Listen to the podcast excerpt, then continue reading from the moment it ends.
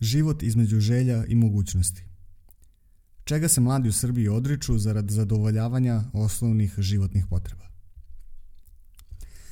Za mlade ljude svet je prepun obećanja i izazova. Putovanja, kupovina garderobe, odlasci na koncerte omiljenih izvođača i inspirišuće izložbe samo su deo mogućnosti koje bi u savremenom svetu svima trebalo da budu dostupne. Međutim, u tom istom svetu novac je često prepreka koja čini neodvojivi deo izazova odrastanja sa kojim se mladi suočavaju, postajući stručnici za preživljavanje u trenucima kada se potrebe koje imaju pretvaraju u luksuz – Pritisak i teret ograničenih resursa za većinu mladih u Srbiji ogleda se već u nemogućnosti osamostaljivanja. Te tako stanovanje postaje prvi nepremostivi korak ka prelasku u odrasli život. Mnogi mladi tako sanjare o svom prvom stanu, ali suočavaju se sa visokim cenama stanova i kirija koje su van njihovog dosega. Možda im se čini da će zauvek ostati pod istim krovom sa roditeljima, odgađajući svoju nezavisnost onda pomisle da je obrazovanje ključ njihove bolje i srećnije budućnosti, ali kako platiti školarine i ostale troškove školovanja kada prihodi koje ostvaruju nisu dovoljni da ispune sve njihove potrebe. U kriznim vremenima, koja su na ovim prostorima čini se trajna kategorija, kupovne navike mladih ograničene su na pažljiv odabir, a luksuzni proizvodi ostaju nedostižni.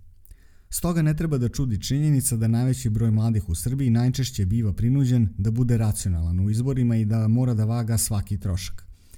Rekreacija i društveni život su takođe na udaru usled loša ekonomske situacije u našoj zemlji, pa tako odlasti na koncerte, izložbe i putovanja, kao i rekreativno bavljenje sportom i odlaženje na treninge, za mnoge mlade češće predstavljaju izuzetak nego pravilo.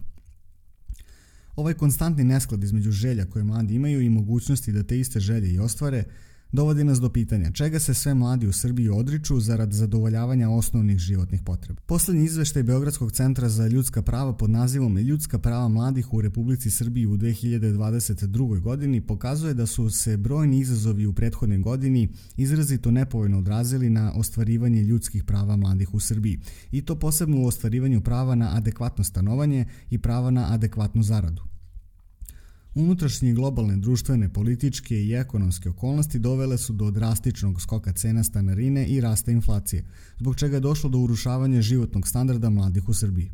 Urednica izveštaja i koordinatorka omladinskog programa Beogradskog centra za ljudska prava, Nevena Trofimenko, na predstavljanju pomenutog izveštaja ukazala je na to da su mladi u Srbiji preopterećeni stambenim troškovima, da troše više od 40% budžeta domaćinstva na rentu ili ratu, te da prekarnost u sektoru zakupa kao i u oblasti rada predstavlja posebno opterećenje za mlade. Slične podatke pokazalo je i istraživanje o odnosu studenta prema povećanju cena zakupa nekretnina, koje su sproveli studenti master studija Fakulteta tehničkih nauka iz Novog Sada u periodu od 23. maja do 6. juna 2022. godine. S obzirom na veliki skok cena zakupa stanova koji se dogodio i u tom periodu, Cilj istraživanja je bio da se utvrdi da li će ovo povećanje cena uticati na kvalitet i organizaciju života i studiranja učesnika istraživanja u toku naredne školske godine. Skoro svi učesnici istraživanja, odnosno 96,1% od 410 anketiranih, kao najčešće razloge za porast cena stanova navodili su inflaciju, dolazak državljana iz Rusije i Ukrajine, kao i pohlepu i bezobrazluk vlasnika stanova. Prema navodima ispitanika, za poslednjih godinu dana od datuma kada je istraživanje vršeno, Vlasnici stanova podigli su stanarinu skoro jednoj četvrtini njih, odnosno 23,4 odsto njih, a bilo je i onih kojima je stanarina podizana više puta u toku 2021. a posebno tokom 2022. godine, odnosno njih 4,6 odsto. Povećanje cene zakupa stana u proseku iznosilo je 100 evra. Ovo istraživanje dovelo je do zaključka koji je glasio da su anketirani studenti iskazali visok nivo realnosti u pogledu tržišnih previranja cena i iznajmljivanja stanova i zbog toga izrazili zabrinutost za mogućnost nastavljanja studija. Ipak, i pored toga, većina njih nije bila spremna da napusti fakultet i mesto studiranja, čime su pokazali da su spremni na skromnost i različita odricanja, ali i odlučnost da nastave svoje visoko obrazovanje. Sa ovim stavovima poklapaju se i stavovi mladih uzrasta između 18 i 30 godina, koji su učestvovali u oblakoderovoj anketi, a koji su ocenili da, pored troškova kirije i računa, najviše novca mesečno izdvajaju za hranu. Prema podacima Ministarstva unutrašnje i spoljne trgovine Republike Srbije, minimalna potrošačka korpa za jul 2023. godine iznosi 52.062,53 dinara. Kada se na to dodaju troškovi stanarine i računa, postavlja se pitanje koliko je novca potrebno da bi se na mesečnom nivou pokrili osnovni troškovi života.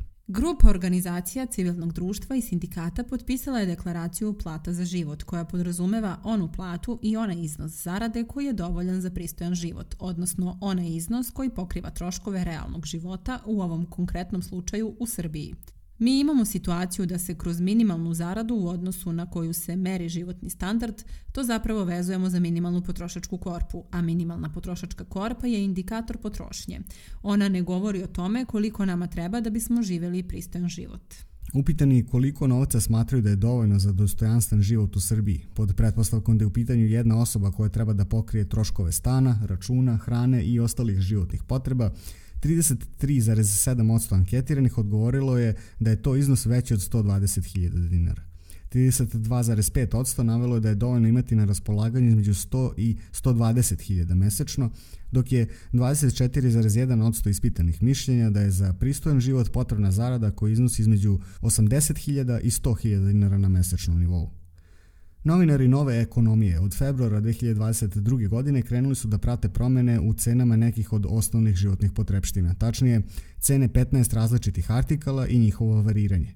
Cene prate na osnovu tržišnih cena, ne računajući povremene akcijske cene u jednom trgovinskom lancu u Beogradu. Kako je navedeno i u tekstu na sajtu Nove ekonomije, ako pogledamo njihov barometar, lako je uočiti da je najveći broj artikala poskupio za oko 50% u periodu od 18 meseci. Situacija je još gora ako se uzme u obzir da su pojedini proizvođači počeli da koriste trik sa smanjivanjem težine, pa se tako grašak iz tabele nove ekonomije ne prodaje više u pakovanju od 450 grama, već 400 grama. Deterđent više nije u pakovanju od 3 litra, već od 2,7 litara, a slično i sa pastom za zube. Pored toga najavljeno je i poskupljenje struje od 1. novembra za 8%, kao i poskupljenje gasa za 10%. Došlo je do značajnog skoka cene nafte i naftnih derivata. Rast cena energenata uticaće na cene svih artikala, kao i komunalnih usluga. Na primjer, cena grejanja direktno zavisi od cene gasa, jer oko 70% troškova elektrana upravo čini cena gasa, kako je objašnjeno u tekstu na istom sajtu. Sva ova poskupljenja prelivaju se na čitavo stanovništvo, te ni mladi nisu pošteđeni uticaja trenutne ekonomske situacije u Srbiji. Takođe, Na pitanje da li su prestali da kupuju ili su uskratili sebi nešto što su ranije kupovali zbog povećanja cena, 77,4% mladih koji su učestvovali u Vlakodarove anketi dalo je potvrdan odgovor. Garderobu više gotovo uopšte ne kupujem. Mnogih prehrambenih namirnica sam se odrekla i kupujem samo najosnovnije. Ove godine nisam uspela da skupim pare da otputujem na odmor.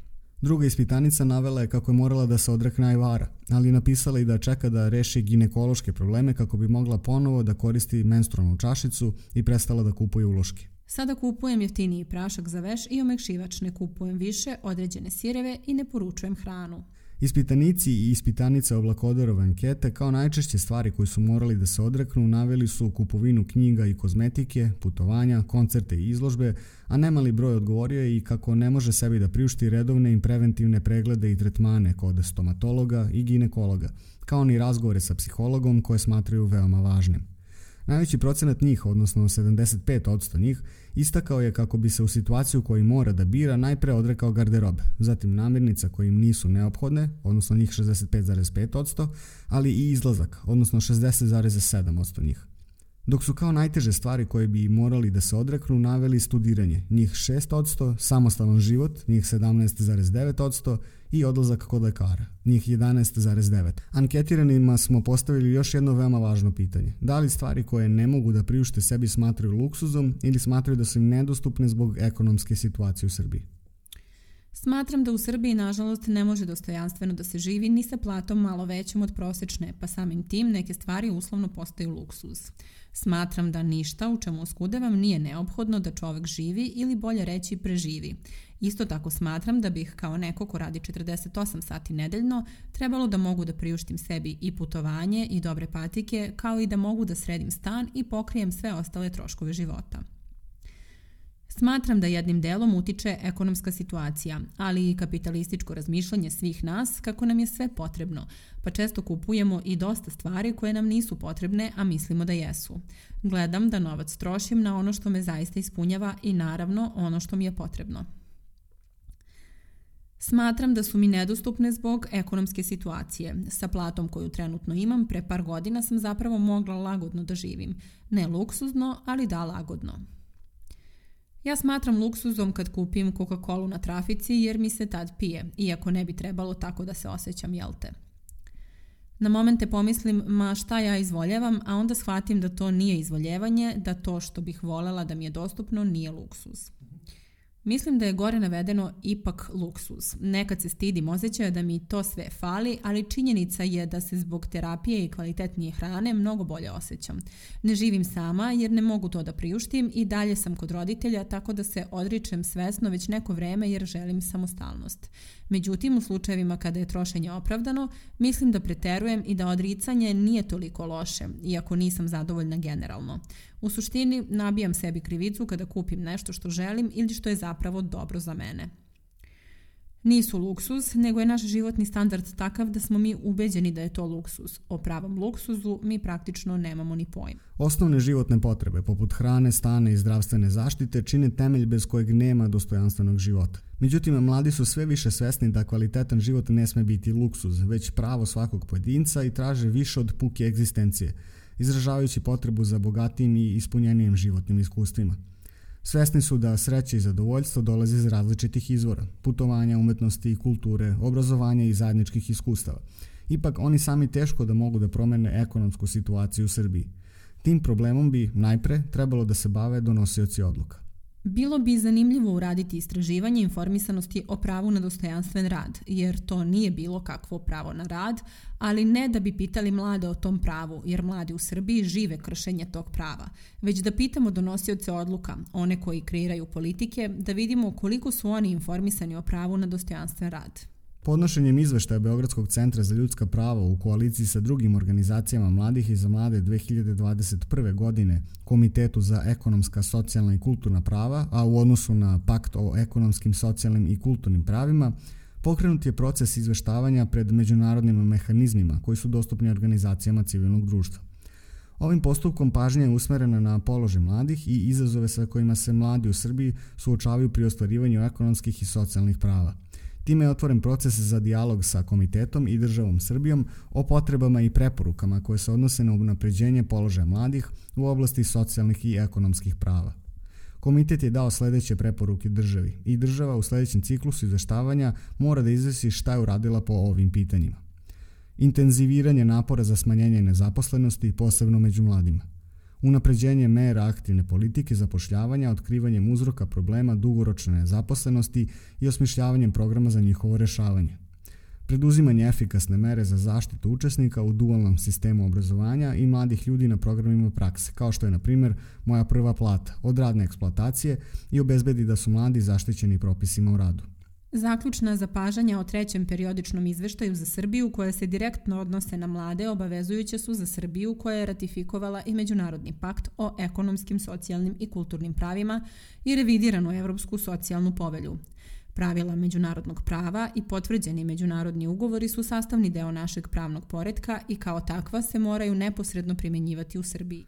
Dakle, potrebno je formulisati ciljeve i mere koje bi osigurale puno zapošljavanje mladih i pravične uslove rada za sve uključene u programe aktivnih politika zapošljavanja odnosno pravo na jednaku zaradu za rad jednake vrednosti, pravo na sindikalno organizovanje i pravo na socijalno osiguranje u punom obimu.